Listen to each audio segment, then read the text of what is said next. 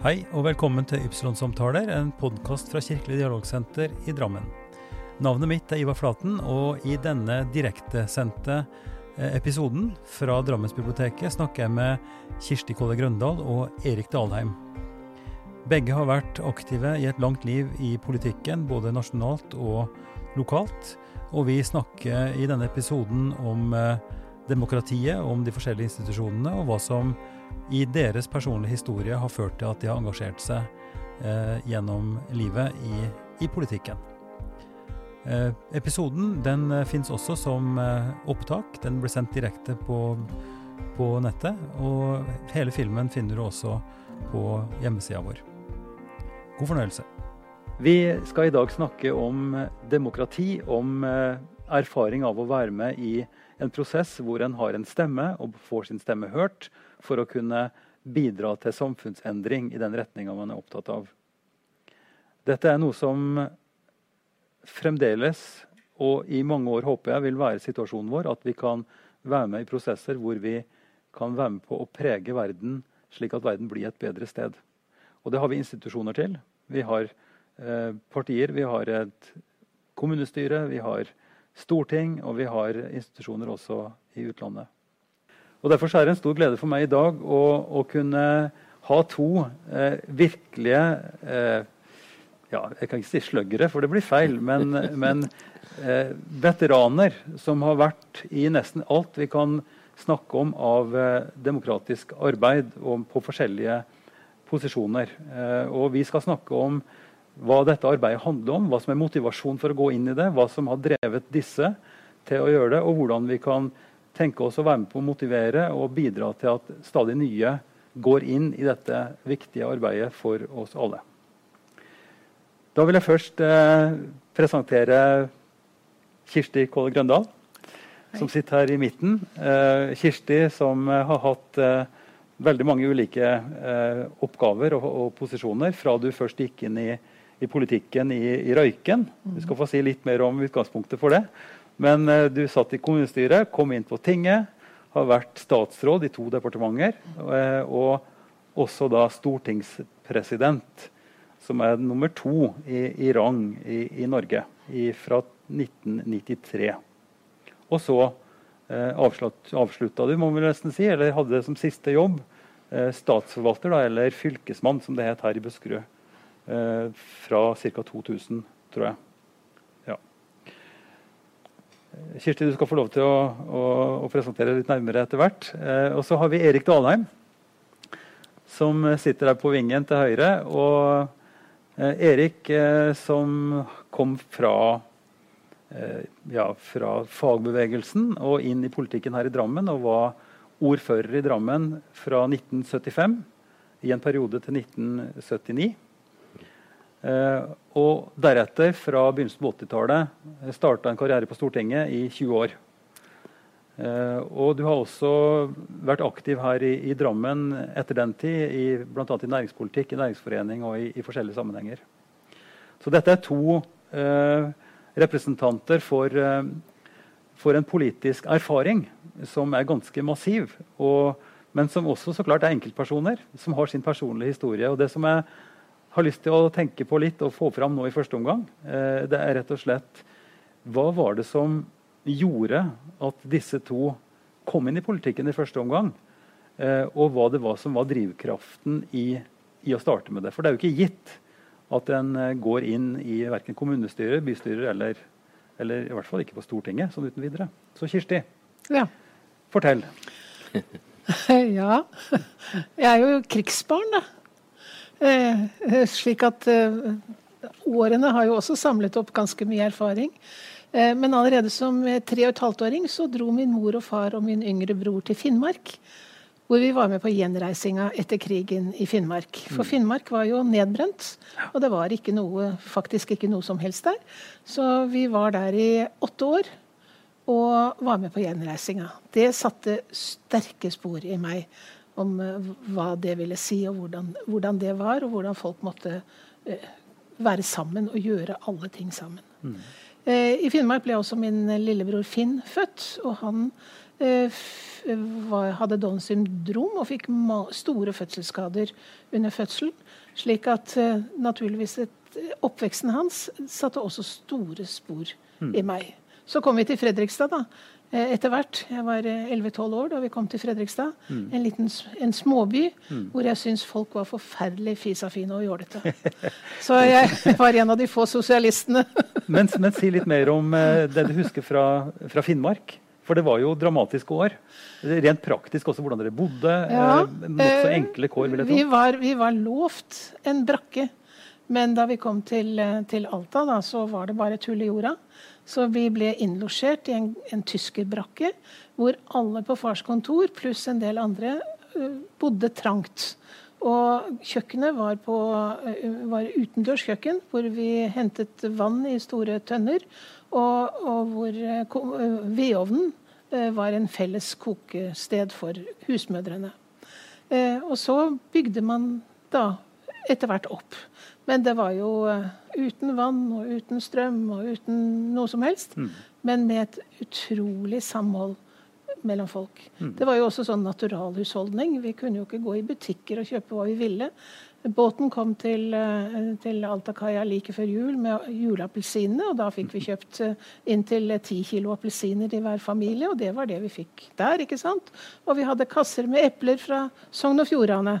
Ja. Eh, så, så husmødrene ble jo utrolig flinke til å klare seg.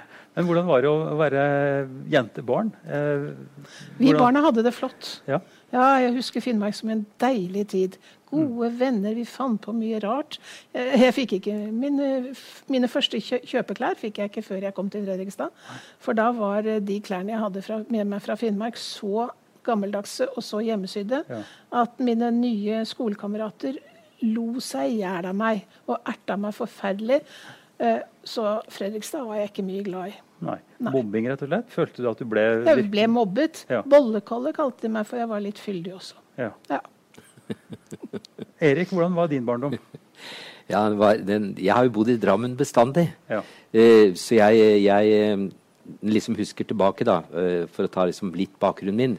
Eh, mora mi eh, ble gift med faren min når hun var gravid med meg. Eh, og det var litt spesielt, for faren min ble jo mobilisert. av Dette er altså tilbake i 1940. Ja.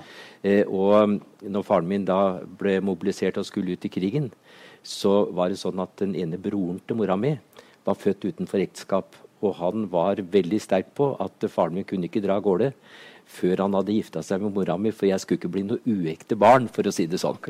For han kunne jo bli drept. Ja, ja. Så uh, mora mi gifta seg med faren min. Da var hun altså 19 år. Fikk meg når hun var 20. Og, og faren min var da murer og ble murmester. Uh, og jeg var nok med uh, etter krigen med på en klassereise, på en måte. Eh, for de første åra bodde vi jo på ett rom og kjøkken, husker jeg. Mm. Eh, så begynte faren min sitt eget firma som murmester, og starta snart et firma i sammen med to andre. Mm. Og vi flyttet fra det ene huset flottere enn det andre, og havna til slutt i et relativt stort hus med til og med peis. Oi, sann. Ja, det var store, storveis. Og vi hadde bil. Eh, men så gikk firmaet til faren min konkurs, og alt ble borte. Mm. Da flyttet vi på ett rom, husker jeg. Faren min måtte begynne å jobbe igjen som murer. Og etter relativt kort tid så fikk han en jobb hos Selmer i Australia. Og det var meninga at hele familien skulle flytte. Men eh, mora mi var ikke noe særlig lysten på det. Jeg hadde da fått en bror, så vi var, altså, jeg hadde en lillebror som var fem-seks år yngre enn meg. Vi blei igjen. Og det dramatiske var da at faren min Det var i og for seg ikke så dramatisk, men han ble jo kjæreste med ei dame der. Og mora og faren min ble gift, og vi satt i Ble skilt. Ja. Ble skilt. Ja. ble ikke gift, men ble skilt. Ja. Og eh, vi hadde noen år som var veldig vanskelig. Da hadde vi Vi fikk ikke fem flate øre fra faren min. Og mora mi, som ikke hadde jobba siden hun var 18 år, eh, da jobba hun på Sunnland papirfabrikk. Eh, hun måtte begynne i en vaskejobb eh, på sykehuset, og greide etter hvert å få seg en jobb da i røntgenavdelingen. Var flink på sin måte, mm. men hadde jo ikke noe utdannelse. Så vi hadde noen veldig rett og slett vanskelige år. Og jeg begynte å jobbe når jeg var 14 år. eh, som visegutt eh, i et firma hos Sara Lykke. Mm. Og kom i læra da jeg var 15 år. Men Erik, eh, hvordan ser du tilbake? Hva husker du, eh, Kjersti? Eh, forteller om at du hadde strålende barndom, det var enkle kår osv. I, i nord, men kom da til Fredrikstad og ble erta. Ja. Ble singla ut for hun var forskjellig og var rar. og, og ja. var. Hvordan tenk, Fikk du høre Nei. noe om din fars konkurs? og var, var, dette, var, dette, et problem for deg personlig? Nei, det, det gjorde ikke det. altså Mora mi sa aldri noe gærent om faren min. Nei. Og jeg blei veldig skjerma, tror jeg. Fra det, så på en måte, så jeg fikk ikke noe Det var ikke noe annet enn at vi, vi hadde det veldig vanskelig. Og mora mi grein mye. Og, og, så det var jo liksom trist på den måten. Men, men, jeg var så heldig at jeg hadde besteforeldre på begge sider. Ja. Og jeg var førstefødt i familien, så vi hadde mye familie rundt oss. Ja. Mm. Eh, så det gjorde det jo trygt på sin måte, da. Mm. Eh, og, men jeg kan si at jeg, jeg blei nok veldig tidlig voksen på, på en måte. Og, og, den utryggheten som tross alt var til stede i en perioden som kanskje former personligheten din, da, den, den, den har nok prega meg bestandig. Ja. Mm. At jeg har søkt mot uh, strukturer og væremåter som skulle skape trygghet for meg og mine. da. Ja. Det, det, har nok vært sånn. Men uh, Kjersti, la oss gå tilbake til Fredrikstad. For ja. nå var du, du var 11, sa du? Jeg var 11 da vi kom dit. Så du var ikke akkurat i noen politisk alder ennå. Men uh, hva skjedde etter hvert da i Fredrikstad? Nei, altså jeg hadde jo denne, jeg hadde to brødre og denne lillebroren min som var sterkt funksjonshemmet. Og den gangen var det jo slik at eh, funksjonshemmede, eller psykisk utviklingshemmede, eller mongloide, eller idioter som de kalte dem, de ble plassert bort for å oppbevares. Mm. Og det, til å begynne med så nektet mine foreldre det, så han bodde hjemme til han var sju år.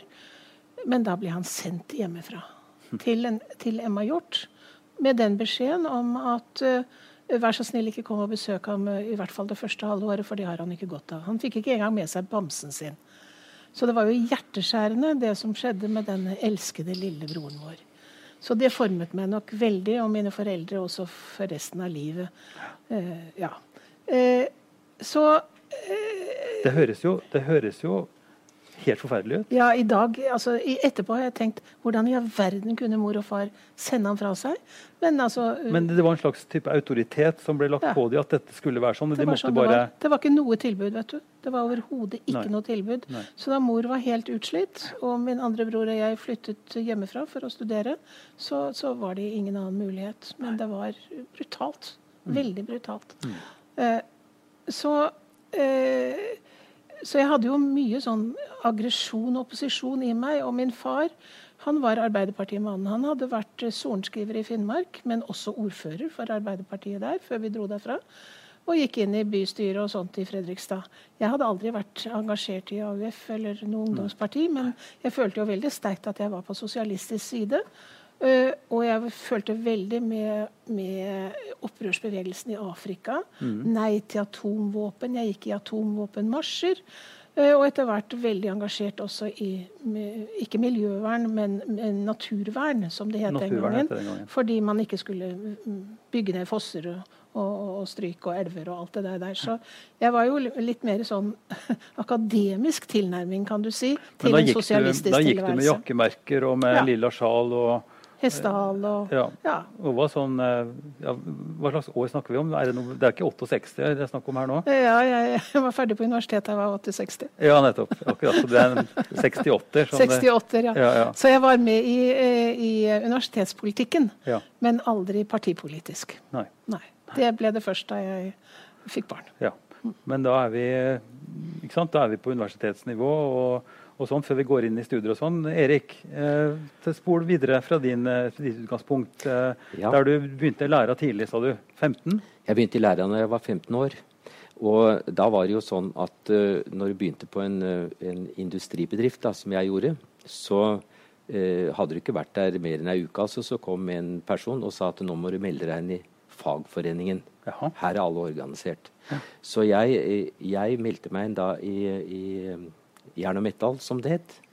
Og, og, betalte da Jeg husker jeg tjente da 1 krone og 25 timen. Og eh, merket som jeg kjøpte da, satt inn i en sånn bok, eh, det kosta 1 krone. Så det kosta 1 krone i uka å være medlem av fagforeningen. Mm. Eh, altså ei timelønn i uka? Ei timelønn eh, I uka? I uka. betalte jeg. Eh, og eh, jeg hadde ikke noe yrkesskole eller noe, så jeg, jeg måtte jo gå da tre år Ja, på sånn men stopp litt. Ja, Det er ganske mye penger. ja det Altså, var hvis, det. vi, hvis vi sammenligner nå med Men tenk, da. Timelønn i dag. Ja. I uka. Nei, jeg, nei det, var, det var relativt, relativt dyrt. Så dette måtte jo komme som et type press, eller syns du det var ålreit å kvitte deg med så Ja, penger? jeg tror det var en del av det å bli voksen, jeg også. Eh, og alle var jo medlemmer av fagforeningen, så det var liksom ikke noe snakk om å ikke bli Nei, det. nei. Eh, og i det øyeblikket du ble medlem av fagforening, så var du liksom en del av gjengen. Da når vi hadde medlemsmøter, som vi jo da hadde i spisspausa, eh, så hadde jo jeg en stemme akkurat som alle de andre, da. Så du blei på en måte litt likestilt, da. Og, og blei på en måte en del av et voksenmiljø veldig tidlig, selv om eh, jeg hadde i utgangspunktet ikke noe sånn spesielt forhold til regler og sånn, for de blei jo bare ivaretatt av andre. Men eh, du lærte å opptre ordentlig. Du måtte stå på morgenen, du skulle ikke komme for seint på jobben, og du skulle jobbe ordentlig. Og du ble vant til at du hadde ei stemme. Ja, det, det Stemma di ble hørt. altså du kunne, to, Ja, eh, Løfta ja. du stemma di? Delte du opp Nei, ikke, ikke til å begynne med. Men av en eller annen eh, Og du veit jo aldri hvorfor du blir valgt til å være tillitsvalgt, da. Men, men jeg blei altså Med en gang jeg var ferdig med læra, da var jeg altså 19-20 år, da. Så, så blei jeg på den første arbeidsplassen av en eller annen merkelig grunn valgt inn i forhandlingsutvalget. Så jeg, så jeg var med altså når det var forhandlingsmøte på bedriften. Og forhandlinger om lønn? da snakker Om vi om. lønn og arbeidsvilkår. Ja. Men jeg hadde jo ikke noe spesiell kunnskap rundt det. Så når jeg etterpå da eh, Når jeg var en 6, ja, 25 år, begynte på Norsk Kabelfabrikk, 24 år var jeg da, så eh, blei jeg også, uten at jeg syns sjøl at jeg gjorde noe for det, så ble jeg valgt til gruppetillitsvalgt, altså i den gruppa jeg var i. Eh, og da ble jeg sendt av gårde på kurs og sånn. Mm. på LO-skolen. Og, og, og, og da begynte jeg liksom å lære litt mer rundt hvordan dette var. Hva var det du lærte da, Erik? Nei, det var forhandlingsteknikk, blant annet. Og jeg husker jeg hadde Da jeg etter eh, noen kurs kom på noe som ble kaltes LO-skolen, så husker jeg jeg eh, lærte om forskjellige ideologier. Eh, og jeg lærte litt om psykologi. Jeg husker jeg hadde et brevkurs som kaltes 'Lederskapets psykologi'. Ja. Og det, jeg brukte nok det jeg lærte der litt sånn til å manipulere folk, tror jeg. For jeg lærte litt om på en måte atferd. Ja. Men jeg, jeg Plutselig var det ting som engasjerte meg veldig, og jeg følte at jeg kunne ting. Ja. Og så blei jeg eh, Etter relativt kort tid så ble jeg valgt til klubbformann. Altså leder i fagforeningen på en relativt stor industribedrift med noen hundre medlemmer i fagforeningen. Når vi sitter her og snakker nå, så er det jo kort tid siden det var et tragisk dødsfall. Leder i LO, Ja. som, eh, som også er røykenbøring. Eh, og som plutselig ble borte. En person som kan vi ikke sammenligne helt, men det er jo litt, litt av den samme historien. Altså Fra fagforening i jobb Ja. eh, oppover, eh, får mer, mer ansvar. Mm. Det er noen som eh, litt kritisk og kanskje negativt eh, vil si altså fagforeningspamp. Mm. Hva er det for noe? Hva, hvordan skal vi forstå det, og hvordan oppfatter du det sjøl i en sånn rolle? Nei, jeg tror eh, jeg lærte veldig tidlig eh, av noen kloke folk at du må huske på at når du er av gårde på kurs, at dem du representerer, ikke har vært på kurs. Altså sånn at du ikke løper fra dem. De, de du kommer tilbake til, de er jo de samme guttene. Det var jo gutter, da, eh, det, jeg, det jeg møtte. Og, og eh, jeg, jeg Jeg tror jeg eh, på en måte skjønte det. Og jeg, jeg ville være tillitsvalgt. Eh, for det følte jeg at da gjorde jeg en jobb i forhold til de som hadde valgt meg. Og da jeg var 30 år, så hadde jeg lært det at eh, Eller jeg hadde opplevd det at veldig mye av lønna vår gikk til å bo. Så jeg begynte å bli engasjert i Ja. boligpolitikk. Ja. Og så meldte jeg meg da inn i Arbeiderpartiet når jeg var 30 år. Ja, ja. Men altså, du la vekt på det med tillit. Ja. Altså, Du var valgt av dine arbeidskamerater for å representere de. Og var på Og- valg hvert år. Du var på valg hvert år, slik Ja. at du måtte på en måte vise at du var den tilliten verdig. da. Ja. Ok, eh, da er vi der. Kirsti, ja. eh, som student og deltaker i studentdemokrati og studentpolitikk, mm. opptatt av likestilling, opptatt av naturvern. Og nei til atomvåpen. Og nei til atomvåpen. ja. Og det er jo i hvert fall, de, i hvert fall atomvåpentrusselen, rustningsproblematikken, eh, våpenkappløp osv. Og, så videre, og naturvern, eller klimaspørsmål, som vi snakker om nå, er jo midt i prikk fortsatt. Ja. Og disse var, tingene tok jeg jo med meg inn i Stortinget. Ja, Men du kom ikke til Stortinget sånn direkte? nei, det gjorde jeg jo ikke. Nei, for nei, du, du, du, ble jo mamma ja. og bodde i Røyken. Ja. Fortell om det. Ja, i Røyken. Eh, eh, jeg var lærer på ungdomsskolen. Eh, og da var vi flere lærere. Etter hvert så kom jo noen kvinner inn i arbeidslivet. For dette, altså, dette er i begynnelsen, overgangen 60-70. Og da var jo kravet om at kvinner skulle både være i arbeid, arbeid og vi skulle inn i politikken. Mm -hmm. Og jeg ble utsending fra lærerværelset til ordføreren, hvor, vi, hvor, jeg skulle kreve at nå måtte det bygges barnehageplass i Røyken.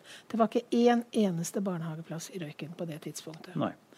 Så jeg eh, kvinnet meg opp, dro til Røyken og ba om time hos, eh, hos uh, Torleif Nilsen, ordføreren. Og han satt tålmodig og hørte på meg. Og så endte han opp med å si jeg er helt uenig med deg. Jeg syns at mødre skal være hjemme hos barna sine så lenge de har behov for det. Ja, ja vel, men, sa du da og gikk hjem igjen? Nei, men sa han, hvis du ikke er enig i dette, så må du engasjere deg. Da får du gå inn i politikken. Det er den beste måten å, å få endringer på. Og så gjorde jeg det. Og da valgte jeg ikke SF, som det den gang het, som jeg hadde stemt eh, de første gangene jeg hadde stemmerett. Men jeg valgte Arbeiderpartiet fordi jeg ville gjøre noe. Og det var eh, det største partiet i Røyken. Vi hadde flertall eh, alene. Så jeg tenkte at jeg må melde meg inn i det partiet som har makt og myndighet. Og jeg gjorde det. Og jeg ble da valgt også inn i formannskapet, for dette var i 1971.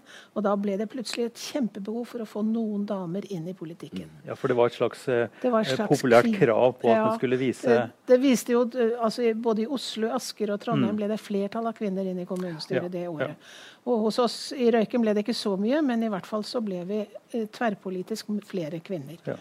Eh, og jeg satt sammen med fire gamle gubber fra Arbeiderpartiet, også meg, i formannskapet. Vi hadde flertall til sammen. Men ja. det ble jo ingen barnehageplass ut av det. For disse gamle gubbene de var jo ikke interessert i barnehageplasser. De hadde ikke behov for barnepass? det? Nei, de hadde ikke det. Og de syntes at det var greit å ha kone hjemme og alt mulig sånt noe. Ja. Så i løpet av de seks årene jeg satt i formannskapet i Røyken, ble det altså ikke bygget barnehageplasser. Det kom opp det ene håpløse plasseringsforslaget etter det andre. Eh, ja, det ble Men det hjalp ikke, ikke, å gå inn i politikken, da? da, da nei, det jeg fort lærte, det var at du må velge dine kamper. Ja. ja. Fordi det var jo mye jeg med mine litt unge øyne eh, så annerledes ut enn de andre jeg satt i formannskap med. Så mm. jeg måtte absolutt velge mine kamper. Ja. Men jeg tror nok på enkelte områder fikk jeg vel kanskje litt, eh, litt innflytelse da. Men ja. barnehageplass ble det ikke. Nei. Men, eh, men, erfaring i demokratisk arbeid, i mm. tautrekking, i ja, og dette var jo også i den hardeste kampen med første runde med EU, ja. eller EF. Mm. Eh, så jeg var jo mot EF også. Ja. Og det var heller ikke alle i den stammegruppa.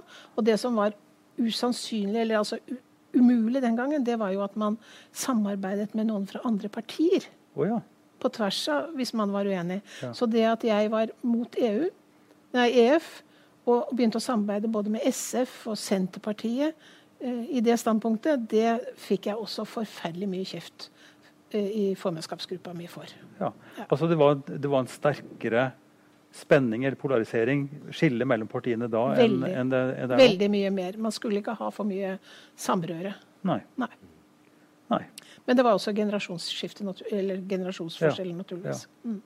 Altså, dette blir jo en slags eh, parallell CV-opplegg, men jeg syns det er interessant og, og, og jeg synes det er interessant for oss å høre det fordi Eh, ethvert engasjement har en historie, og ethvert engasjement har en, bi en biografi. Mm. Det henger sammen med hva en opplever og hva en erfarer, og hvorfor en da vil bruke tida si på disse, disse, tingene. Sånn er det for dere som ser på, og sånn er det for meg, og sånn er det åpenbart for dere også. Men, men, jeg tror jeg skal fortelle altså at grunnen til at jeg virkelig hekta meg inn på og fortsatte å være politiker, det var jo da jeg kom som varamann til fylkestinget. Og en av mine gode kollegaer i samme parti der, eh, i et litt, hy, hy, litt hyggelig utpå kvelden, sa jeg kan ikke skjønne at du som er så søt og pen og ung, går inn i politikken. Da var det jeg bestemte meg for. At han skulle ikke få rett. Jeg skulle fortsette. Ja. Så, så metoo var ikke født da? Nei. Ja, det var ikke akkurat metoo-situasjon, men han var altså veldig nedlatende. Veldig sånn ah. mm. eh, Fortell meg historia om makt. Eh, hva heter det for noe? Det heter eh, eh maktspråk og hersketeknikk. Hersketeknikk. Ja. hersketeknikk. Mm. For dette har jo vært oppe ganske mye eh, i skal vi si, politiske kollegaer mm. til deg, og vært skrevet bok om også. Ja, da, visst. Og, og ble vel også et poeng når du kom litt lenger opp. Men nå skal vi ikke gå til Stortinget ennå. For nå skal vi gå tilbake til Erik. Eh, for du sa noe om at du da var i flere omganger, som fra helt ung, mm. fått ansvar som tillitsvalgt. Representerte kollegene dine, fikk kurs. Mm. Eh, og så etter hvert så opplevde du altså boligproblematikken. Eh, der Kirsti snakker om behov for barnehage, så hadde du i din erfaring et annet tema. Si litt mer om det. Ja, nei, jeg og jeg eh, Jeg hadde jo stemt Arbeiderpartiet. Det hadde jeg gjort fra jeg fikk stemmerett. Men, men eh, jeg meldte meg altså inn i Arbeiderpartiet. For det, og det er litt sånn som er Kirsti. altså Du må melde deg inn der hvor det er makt, eller mulighet til å få til noe. Ja. Eh, og eh, eh jeg blei jo da Fikk da Kom raskt inn på, på lista til kommunevalget i 71 og ble valgt inn i kommunestyret her samtidig som Kirsti da i, i, I Røyken. I Røyken. Ja. Eh, jeg ville inn i byplanrådet. For det var der det foregikk tilrettelegging av tomter og alt mulig sånt. Mm. Og eh, jeg fikk, fordi jeg var tillitsvalgt på en stor bedrift, så fikk jeg også flest stemmer ja. eh, under valget. Så jeg kunne på en måte velge litt, da. Ja. Eh, eh og, og, var med på da og, og og bestemte litt hvordan ting skulle reguleres. og sånn. Og jeg husker da at når vi fikk lagt fram da forskjellige forslag til reguleringsplaner, så spurte jeg hvor mye vil det koste for tomta hvis vi velger den eller den eller den. Og så valgte jeg den reguleringsplanen hvor tomteprisen ble lavest. Ja. For den gangen så var det jo ikke markedspris på sånne Nei. ting. Nei. Det blei solgt for det kommunen da fikk til gjennom en regulering for ja. selvkost. Ja. Så så jeg holdt på med det der da ved siden av å være tillitsvalgt på bedriften i, i, i fire år. Mm. Men, men, når de fire åra nesten var, var gått, så, så, kom det altså et par karer og begynte å mase på meg at jeg skulle stille opp som ordførerkandidat. Det syns jeg var helt tullete, altså, for jeg ville jo bare være tillitsvalgt. Eh, men det skjedde jo det da en sein kveld eh, på høsten at eh, jeg sa ja til disse karene. Men dagen etter så kom det altså da jern- og metallarbeideren, fagforeningsbladet mitt, kom i postkassa. Og der avventerte de etter forbundssekretær. Og jeg ringte inn til en kar jeg kjente inn i jern og metall og spurte eh, åssen går det med meg hvis jeg søker på denne jobben. Og da sa de søker du, så får den. Men da hadde jeg sagt ja til det der å bli ordfører. Så jeg har tenkt mange ganger at hvis jeg ikke hadde hvis jeg hadde fått det bladet før, da, hvordan hadde livet mitt blitt da? Ja. Da, så det er ofte litt tilfeldig hvor det havner. Du har sett filmen 'Sliding Doors'? ja, ja, ja. Så ja. hvilken døren åpner ja. og hvor en velger å gå, det styrer veldig mye ja. etterpå. Men, men, men Erik, du, du må jo, vi må jo si det at, at, det å være ordførerkandidat, da stiller du deg som kandidat til å være tillitsvalgt for hele byen. Ja, ja, ja. Så det er jo da en i særklasse en tillitsplass. Og du fikk jo den jobben. Ja da. Og det var jo på en måte et dramatisk eh, generasjonsskifte. Han jeg tok over etter, var jo over 70. Og jeg var altså 34. Eh, så du kan tenke deg det spennet der. Eh, og det var naturligvis da stor skepsis hos en relativt stor gruppe da, i systemet, og jeg tror også i bystyret i Drammen. For han derre unggutten, for da var jeg ung mm. i demses øyne, eh, når jeg da kom inn og, og skulle bli ordfører.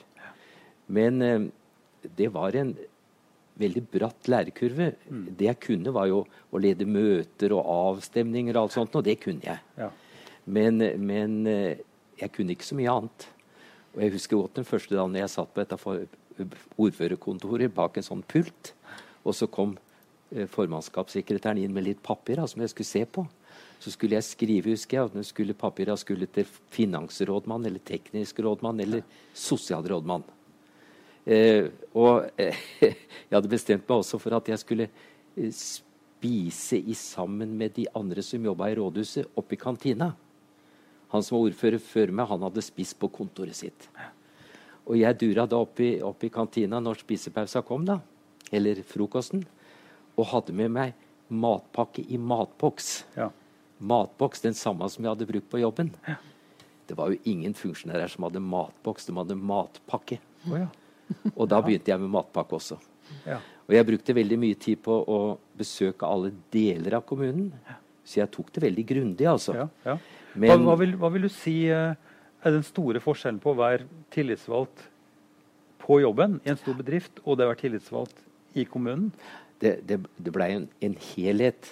Eh, det var jo ikke bare liksom å være opptatt av åssen tomter skal vi ha. Du måtte jo ta sosialpolitikk. Du hadde jo ansvar for saksforberedelsen. Selv om rådmenner og sånn gjorde det, så var det ditt ansvar at alle sakene som kom på bordet til bystyret, var skikkelig forberedt. Ja. Og det betydde at du måtte ha kunnskap, ja. sette deg inn i, da. Mm. Veldig mye. Ja. Og jeg møtte jo også Drammen som eh, mangfold mm. på en helt ny måte. Jeg hadde jo jobba innafor industrien, stort sett i sammen med mannfolk. Mm. Jeg hadde en familie i byen her, og jeg var medlem av noen foreninger. Men jeg møtte jo hver eneste helg som ordfører foreninger av mange slag som hadde jubileer ja. av forskjellige slag. Ja. Og da måtte jeg jo lese meg opp på hva de holdt på med. Og, og den byen jeg representerte, ble jo så mye mer spennende og mangfoldig ja. enn det jeg i utgangspunktet hadde et bilde av. da. Så jeg tror jeg lærte veldig mye om å ha respekt for andre. Mm. Eh, mens jeg i utgangspunktet på en måte hadde representert bare ei gruppe i samfunnet. Nettopp.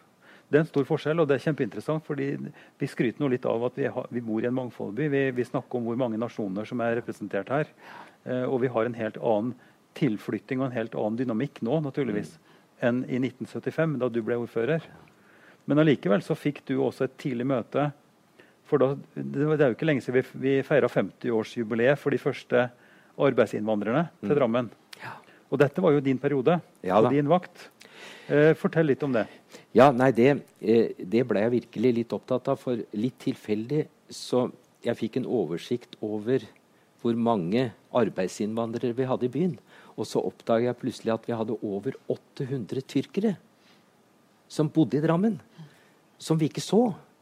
De bodde bare rundt omkring liksom, og, og var i arbeid. Var jo, alle hadde jo jobb, mm. naturligvis. Mm. Og da hadde jo etter hvert da også kommet en del fra Pakistan. Eh, og jeg inviterte meg da til å møte disse gruppene. Og alle disse gruppene hadde jo sine eh, store dager i løpet av et år. Mm. Pakistan hadde sin dag, India hadde sin dag. Mm. Om det var før eller etter, husker jeg. Mm. Ikke helt, men de hadde i hvert fall to mm. sånne dager. Og da møtte jeg jo disse gruppene. Mm. Mm. Og fordi eh, tyrkerne var den største, så fikk jeg mulighet gjennom Kommunenes sentralforbund å besøke Konya-området i Tyrkia, sånn at jeg fikk et bilde av bakgrunnen for de menneskene da, mm. som jeg traff eh, mm. i, i, Drammen. Mm. Men eh, jeg greide Jeg lærte heldigvis at eh, disse var jo også som mennesker ikke ei ensarta gruppe, selv om de kom fra et sted. Mm. Så i min tid så var det ikke sånn at uh, de gruppene hadde liksom én talsperson. Uh, så uh, det var jo enkelte som møtte opp da på, i politiske sammenhenger og sånn. Men de representerte jo seg sjøl mm. og ville ofte gjøre seg til talspersoner for de andre. da. Mm.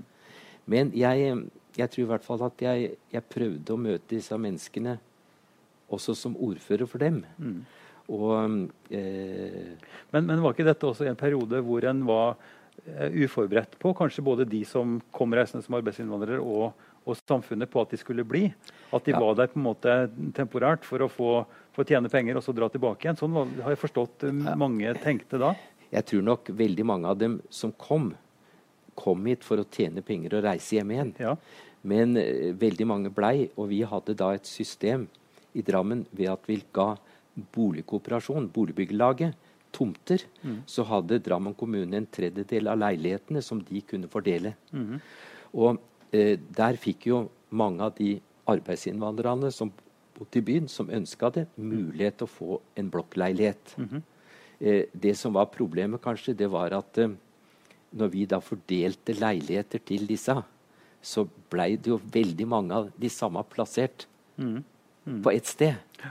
Eh, så eh, det gjorde jo at eh, det ble litt konflikter etter hvert knytta til det. da. Mm. At noen var sånn og noen var sånn. Men ja. Jeg hadde ikke det som problemstilling i min Nei. periode. Nei. Eh, dette vet vi jo mye om fra det området som jeg kjenner best eh, ja. i byen, fra Fjell. Ja. Eh, og, altså med Egil Flatmark og Jan Moen og de som har jobba med, ja. med disse, den type integrasjonsprosessen og forståelsen. Fjell var jo, på, var jo bydelen eh, som vi ga sånn, veldig, mm. veldig, mange arbeidsinnvandrere muligheter til å mm. få bolig i. Dette er på et tidlig tidspunkt. Nå må vi tilbake til, til Kirsti og, og den erfaringa du da fikk. Eh, fordi du da ganske raskt kom på tinget. Ja. Det var jo igjen skulle de ha damer på tinget. Arbeiderpartiets uh, liste var jo bare med menn på toppen. Ja. Så i den perioden uh, før jeg kom inn, hadde det jo bare vært representert ved menn. Det hadde kanskje vært i løpet av en, en hundreårsperiode et par-tre damer innimellom, men det var ikke mer enn det. Eh, og så ble det eh, på nominasjonsmøtet til Arbeiderpartiet i 1977 så var, ble det kampvotering mellom to kvinner på fjerdeplass. De tre første var jo menn, naturligvis. Men på fjerdeplass hadde de tenkt til at en kvinne skulle komme inn. Og da satte de like gjerne opp to stykker. Og jeg eh, ble valgt med tre stemmers overvekt. Og så kom jeg på Stortinget, da. Og det var det året hvor vi faktisk kom opp i en prosent på 22% kvinner i Stortinget. Så det ble jo de stakkars mennene som kom inn samtidig med oss, de følte seg veldig forlatt. Fordi vi kvinner fikk all oppmerksomheten fra medier og fra alt mulig. Og det første som bl.a. skjedde, det var at vi, vi ble innkalt til en stor seanse i, i NRK og NRK var jo eneste TV-kanal på den mm. tiden. Mm. Og det var eh, Lars Jakob Krogh eh, blant annet, som skulle lede en sånn debatt. Og så hadde han invitert alle damene på Stortinget, og så ble vi plassert i et sånt eh, amfi. Så vi sto sånn. Og så sa han at dette er de, alle de nye kvinnene på Stortinget. Vær så god, ta ordet. Og så ble det jo et lurveleven av at folk, eh, jenter og damer som snakket i munnen på hverandre. Og dagen etter så sto det med store bokstaver i alle avisene. Hønse, hønseflokken er inntatt Stortinget. så han, Lars Jakob Krogh han, eh, han, gjorde det bare på pur F, det er jeg helt sikker på. For her skulle de virkelig vise hvordan det var. Ja. Men vi, eh, vi, vi, ble synlige ja. på mange måter og fikk nok mer oppmerksomhet enn enn eh, de mannlige kollegaene ja. som kom inn samtidig med oss. Men du, men du, kom dit med en motivasjon for å jobbe for det som du har kjempa for da lenge i Røyken, mm -hmm. eh, med barnehageplasser og, og kvinnerettigheter og ja. likestilling. Og, natur, og naturvern. Ja. Og utenrikspolitikk, hvorav natur, nei, nei til atomvåpen var jo en av dem. Men i det hele tatt utenrikspolitikk. Jeg har aldri vært imot Nato. Men det er klart at jeg syns vel Nato var overivrig ja, ja. i mm. perioder. Ja. Slik at jeg tilhørte liksom den radikale fløyen i mm. Arbeiderpartiets stortingsgruppe. Men hvis vi nå i altså, Vi kunne godt snakke politikk, eh, og det er kjempeinteressant, og det må vi jo på en viss, til en viss mm. grad snakke om, fordi at sakene er jo politiske, og drivkreftene er det. Men det som jeg syns er interessant, er jo den erfaringa som du da som ung kvinne hadde med å oppleve dette i NRK, f.eks. Dette mm. hønseopplegget til Lars Jokron. Ja, men så også noe av det samme. fordi du opplevde også fra Røyken å sitte i ei gruppe av som du sjøl sa, gamle menn mm. som ikke var interessert i å høre på det øret i det hele tatt. Men du var der nærmest som en type pynt eller en slags glasur. At det var en kvinnerepresentasjon. Ja. Og, og, og, du kom også da aller nådigst med til Stortinget. Men så, da fikk du jo en rolle. og var et du var en tillitsperson du var valgt inn, mm. og du kunne da kjøre de sakene som du var opptatt av. Ja. Si litt om det, og hvordan du da søker på en måte, Dere måtte jo ha flere som, som da ja, så, ville det samme, kanskje, og som brukte denne muligheten. Ja. Ja, altså det ble et godt øh, Og det ble faktisk på tvers av partilinjene et samarbeid med, eh, mellom kvinnene mm. i, i, Stortinget. Vi hadde flere saker. Eh, en av de sakene som kom opp veldig fort, var jo eh, abortsaken. Mm. Likestillingsloven ble, ble, vedtatt like etter at jeg kom inn på Stortinget. Vern av Hardangervidda kom like etterpå. Og så hadde vi altså en, en stadig diskusjon om, om Nato og, og, og forsvarspolitikk. Mm. At, og der engasjerte veldig mange kvinner seg egentlig på tvers av, av partiene. Mm. Eh, så ja. så var jeg i kirke- og undervisningskomiteen, for jeg var jo lærer i bunn. Mm. Og fikk en ganske god posisjon i og for seg i den gruppa vi hadde på skolepolitikken. Mm. Så den var jeg også med på, og som etter hvert endte opp i da, da Gro ble statsminister for andre gang, mm. at jeg ble kirke- og undervisningsminister i 86. Mm. Og hele den mekanikken, hele det systemet som Stortinget består i, altså at du er valgt inn fra et parti Du har altså da en del av en partigruppe som er valgt inn på et program som har elementer som man kan være mer eller mindre interessert i, eller vektlegge litt forskjellig. slik at det er en dynamikk. Det er en samtale innad i gruppa, mm. som du nå sagt mye om, med uenigheter og vektlegginger. Mm. Men så har du også da en representativ oppgave i en fagkomité ja. i Stortinget, ja. hvor det kjempes for saker som har med utdanning å gjøre, eller med industripolitikk, eller mm. hva det måtte være. Mm. Eh, så dette er jo verktøy, struktur, ordninger, systemer som skal fylles med engasjement og saker og framdrift. Og, vedtak. Og vedtak. Vi vil jo endre samfunnet, ikke sant? Ja. På alle si, si mulige måter. si litt om dette med, med prosessen fra, fra partigruppa du er valgt inn i komiteen. Hvordan jobber dere da i komiteen? Er det skikkelig sånn fighting for å få sin ting gjennom, eller hvordan altså, er stort sett jobbingen? Saker, noen saker er ideologiske. Ja. Eh, og annet hadde vi ideologi om vi skulle ha karakterer i grunnskolen eller ikke. Mm. Det var en typisk ideologisk sak. Men, På hvilken måte er det ideologisk? Arbeiderpartiet og på sosialistisk side så ville vi ikke ha karakterer i grunnskolen, mens høyresiden ville ha karakterer. Så der hadde vi mange diskusjoner. Vi reiste land og strand rundt med, med, det.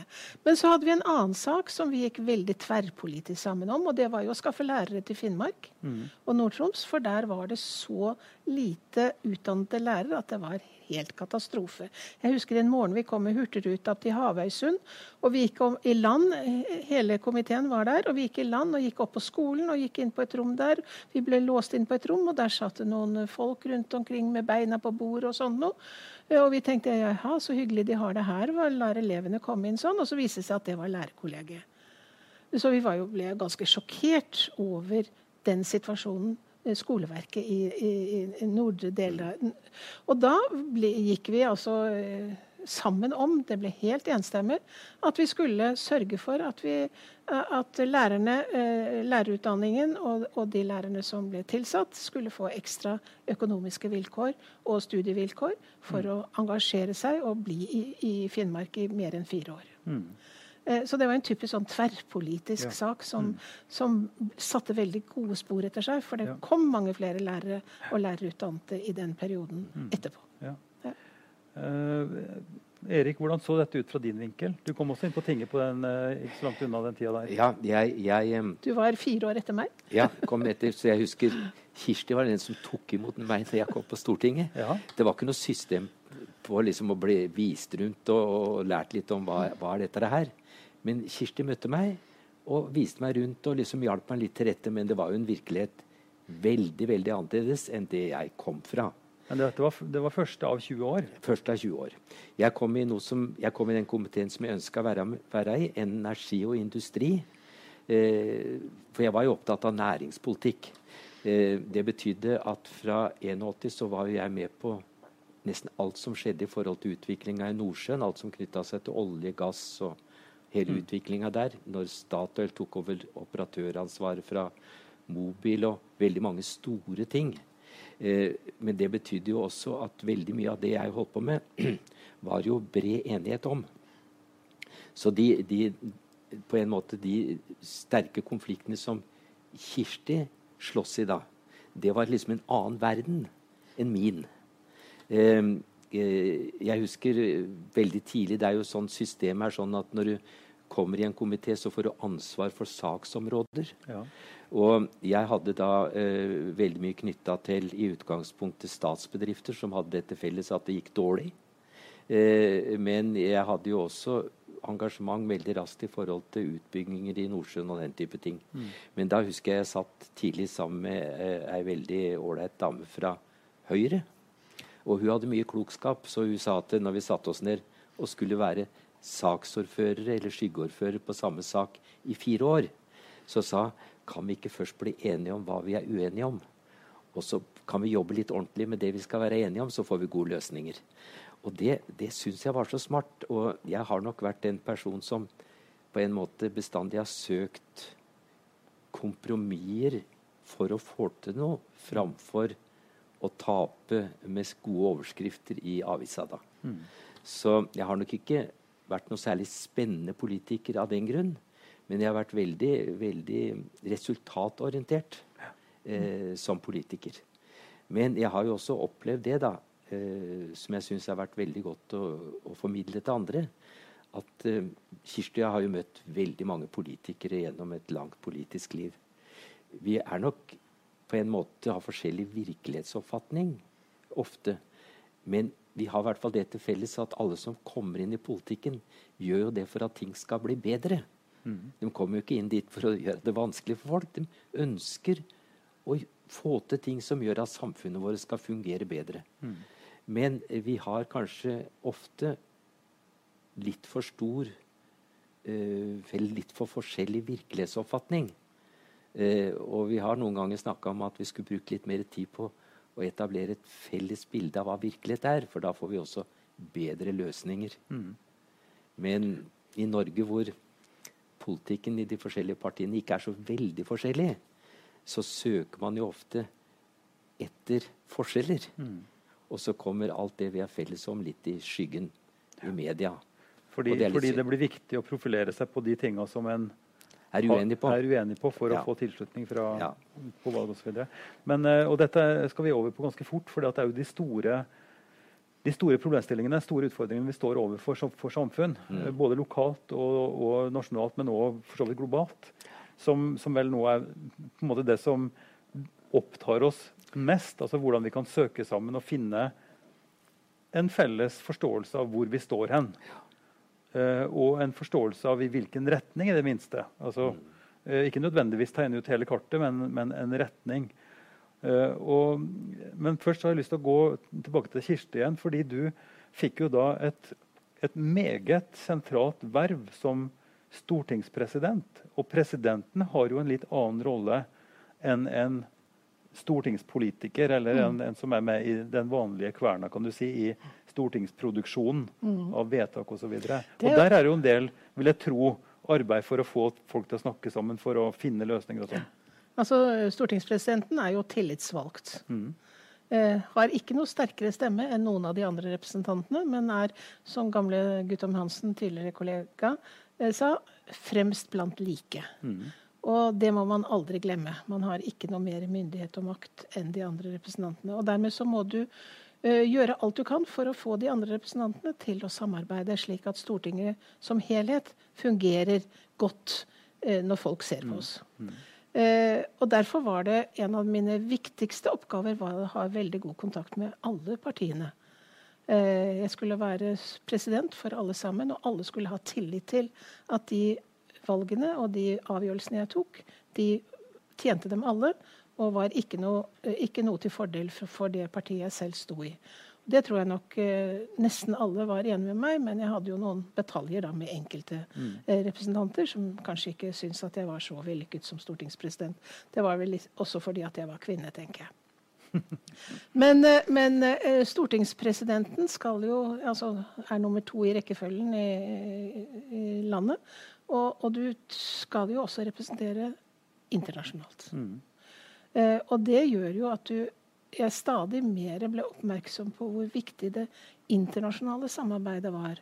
Og det nettverket av organisasjoner og samarbeidsformer som skjedde på tvers av landegrensene, var for at denne verden skal fungere, for å si det med litt store mm. Mm. Mm. Eh, og jeg er jo bekymret i dag fordi at noen synes å være altfor opptatt av Norge og bare Norge. Og, og, vi er nødt til å se utover våre grenser, og vi er nødt til å samarbeide utover våre grenser, selv om vi ikke er enig i alt som skjer. Mm. Jeg, har en, jeg har en fornemmelse av at vi kanskje bør skille mellom eller i hvert fall distingvere, distingvere mellom lokaldemokrati, nasjonalt demokrati og et internasjonalt demokrati. At det er forskjell på et kommunestyre mm. og en regjering, storting, og en internasjonal sammenslutning som f.eks. FN. FN. Eller EU. Eller EU. Ja. At en, at en, har et mandat lokalt. Man er tillitsvalgt. Man har en rolle fordi at man er valgt lokalt. Man blir, eh, får et ansvar eh, nasjonalt for å legge lover, for å få ting til å fungere nasjonalt. Og det er jo umistelig. Den nærheten til prosessene er jo helt nødvendig. Men så er det også nødvendig å kunne stå i en, i en dynamikk da, med andre nasjoner for å løse overnasjonale problemstillinger. Og Vi skal ikke ta stilling til det ene eller andre, men at den forståelse av de tingene er, er utrolig viktige. Så det er ikke enten eller, men det er antageligvis både og, og en må tenke stort om dette. Og da tenker jeg Vi er inne på det som vi skal snakke litt om mot slutten, som jeg har lyst til å høre deres mening om. Eh, hvordan en skal både ha den forståelsen av det lokale som viktig og nødvendig, å finne gode løsninger, men som er i harmoni med, da, eller i, i tråd med en felles retning. At vi må få løst klimaproblemene. Vi er nødt til å finne løsninger på det som bringer oss i en bedre retning. Mm. Vi må finne løsninger på migrasjonsproblematikken. Mm. Det fins ingen lette løsninger, men, men det, det, må jobbes med det. Mm. Så hvordan eh, Og da stiller jeg det spørsmålet til begge to, eller bare som, en, som et hjertesukk, eller som en, som en eh, ja, som en, som en problemstilling. Da, hva er det som gjør at vi både kan få motivasjon til å løse de små, viktige problemene lokalt, samtidig som vi bidrar i et fellesskap. At ikke vi bare tenker lokalt, men klarer å tenke lokalt og, og globalt. For jeg ser ingen fra min synsvinkel, da, jeg er jo ikke politiker, jeg er et vanlig menneske, men det jeg ser at vi er nødt til å stå sammen for å løse de store problemene. Mm. Og store problemer er jo et relativt uttrykk. Det kan være store nok problemer lokalt òg. Så vi må stå sammen. Men hva, hva, hva vil dere si om Altså, Det er helt grunnleggende i min tenkning. Det er tanken på fellesskap. Vi er altså nødt til å gjøre ting sammen. Det må vi gjøre i kommunen. Og kompromisser er jo et av honnørordene til både Erik og meg, og også til Thorvald Stoltenberg. husker jeg la veldig vekt på dette. Kompromisser. Mm. Finne fram til noe som kan være bredest mulig oppslutning om. Det må du ha i kommunen. Mm. Det er ikke noe godt hvis kommunen er, er, bygget sånn at det er med én stemmes forskjell mm. hver gang du vedtar noe. Det, det, skaper ikke noe godt lokalt samfunn og lokaldemokrati. Det samme er det på nasjonalplan. Jo mer vi kan liksom være enige om at vi skal gjøre sammen, og kompromisse, selv om du av og til må gi avkall på noen av de mest ideelle tankene dine, så, så får du kompromisser. Og i, i, internasjonal sammenheng må du altså kunne godta at mange er uenige med deg, men man finner fram til det som i hvert fall vi kan stå sammen om. Mm. Så fellesskap og tanken på fellesskap og opplevelsen av at du lever ikke på en øy alene, du lever i et fellesskap på alle nivåer, det tror jeg er ganske avgjørende for at dette skal fungere. Mm. Men Erik, vi, vi ser jo en stor forskjell på den type demokrati som du har vokst opp med, med ikke med morsmelka, men fra helt ungt av, mm. som tillitsvalgt i en industribedrift. Eh, representere gutta på gulvet, skal få gode boliger. Opptatt av at vi skal ha det vi trenger for å mm. klare oss. Og så har vi nådd nå et nivå som du også har snakka en del om, der vi faktisk har en god balanse, men der det ser ut til at vi, at vi stadig vekk klatrer videre. Ja. Eh, er, er våre institusjoner, da, systemet som dere nå har vært i i hele livet, er de solide nok til å kunne klare å snu disse helt grunnleggende tinga? Hvordan er forholdet mellom bevegelser, altså interessegrupper som ikke er politiske, men, men strømninger av folk? Jeg tenker f.eks. Thunberg og, og miljøengasjementet blant ungdom og sånn. På hvilken måte ser du nå, hvis du skulle være litt profet eller prøve å vurdere dette, hva er veien videre for å mobilisere for disse større fellesløsningene, som, som også kan være ganske ubehagelige? Ja, jeg, jeg, jeg, tror eh, det jeg må akseptere hele tida, er at ting er i endring, og det endrer seg så fort. Eh, eh, veldig mange eh, Du vil lett kunne søke tilslutning til tanker hvis det går på at vi må prøve å ha det som vi har det. Eh, det føler folk trygghet i. Og det er litt eh, problemstillingen for mange interesseorganisasjoner. At de som en interesseorganisasjon organiserer, de føler jo at interesseorganisasjonen skal jobbe for at det skal være trygt i det som er. Mens verden rundt oss endrer seg hele tida. Og det som er utfordringen i dag, det er at uh, vi er en del av en verden, og vi er egentlig vår lille del av verden blir mer og mer avhengig av å spille uh, positivt i sammen med verden for øvrig. Mm. Eh, vi har jo kommet veldig langt ved at vi har lagd felles målsettinger i forhold til i hvilken retning vi skal bevege oss. Spesielt i forhold til de klimautfordringene vi står overfor. Utfordringen er jo hva, hva gjør vi i dag? Eh, altså, det er der noen må gi for at andre skal få. Men eh, jeg, eh, jeg har jo veldig tiltro til unge mennesker, jeg, da. Eh, som på en måte ikke har det eh, referansebildet som eldre mennesker har. Eh, de søker ofte Jeg ser det for min egen del, at du søker trygghet i det som er. Mens vi må på en måte innse at verden er i veldig endring. Og jeg føler jo at de fleste politiske partier tar inn over seg det. Og jeg ser både EU og, og, de store internasjonale organisasjonene er jo samstemte på at vi står overfor noen tunge justeringer av vår måte å leve på. Som vil stille krav til oss, mm. også i forhold til materielle goder. Så eh, når jeg ser rundt på det samfunnet som vi har nært oss, da, så er det Jeg ser noen store utfordringer knytta til at vi har bygd opp et samfunn som er basert på forbruk i veldig stor grad. Veldig mye av jobbene våre baserer seg på å kjøpe ting vi egentlig ikke visste at vi trengte før vi fikk en annonse på det i ei avis eller postkassa. Mm. Så vi står overfor noen store utfordringer, men jeg har tiltro til at de politiske partiene jeg, jeg, er sånn som leser de politiske partienes program. Mm. Uh, og det jeg har lest hittil uh, Det store bildet er at man politisk er bevisste på at det må skje endringer. Mm. Men vi ser jo at Kall det velgerne, da. Mm. De er jo veldig på en måte um, usikre på veivalg i dag. Mm. Altså spørsmålet blir jo, både Kirsti og Erik og dere som ser på, eh, hva slags impulser som skal gi oss den følelsen av at vi er enige om hvor vi står, og også noe klarere bilder om hvor vi skal hen, hva som er nødvendig. Og så tror jeg forholdet mellom å tro på og støtte opp om institusjonene, de mekanismene vi har, mm. samtidig som vi er nødt til å også tenke nytt i forhold til hvordan vi skal engasjere de grupperingene som kanskje ikke er da inne i, i, de strukturene, og være lydhøre der. Og Dette finnes det ingen quick fix på. Vi kunne snakke om dette i flere timer enda, men nå er timen over. rett og slett. Så, så jeg takker Erik Dalheim så mye, Kirsti Kolle Grøndal, for en fin samtale. Eh, og For dere som ser på, så kan jeg si at den neste livesendinga fra Ypsilon-samtaler den blir fra Mjøndalen bibliotek. Og det blir den 8. april, en torsdag.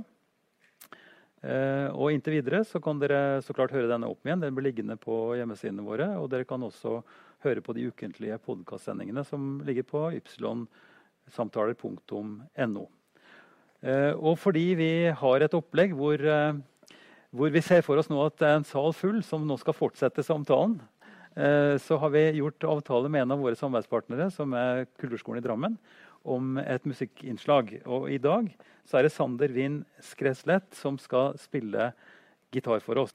Mens han gjør seg klar, så kan jeg også si at uh, i tillegg til musikkskolen her i Drammen, uh, kulturskolen, så, så, er det også Drammensbibliotekene som er samarbeidspartner til dette prosjektet. Og Drammen Omegn tro- og livssynsforum er også en aktiv uh, medvirker. Så jeg ønsker dere tilbake igjen, og kom da gjerne til Mjøndalen bibliotek den 8. april bank i bordet, så sant vi da har muligheten til det pga. koronaepidemien. Vær så god, Sander.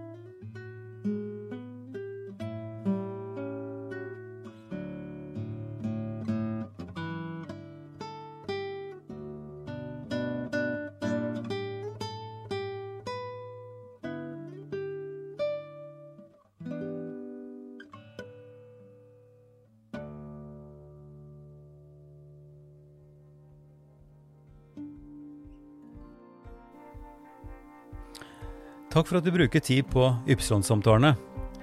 Hvis du liker denne episoden, kanskje du liker også andre som du vil finne mer informasjon om på www.ypsilonsamtaler.no.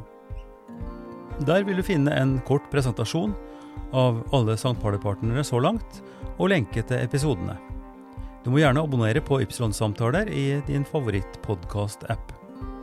Og så er vi veldig glad for tilbakemelding og forslag som du kan sende til Ivar, krøllalfa, kirkeligdialogsenter.no. Podkasten er støtta av Drammen kommune, Barne- og familiedepartementet og Einar Juels legat. Ansvarlig utgiver er Kirkelig dialogsenter Drammen ved daglig leder Ivar Flaten.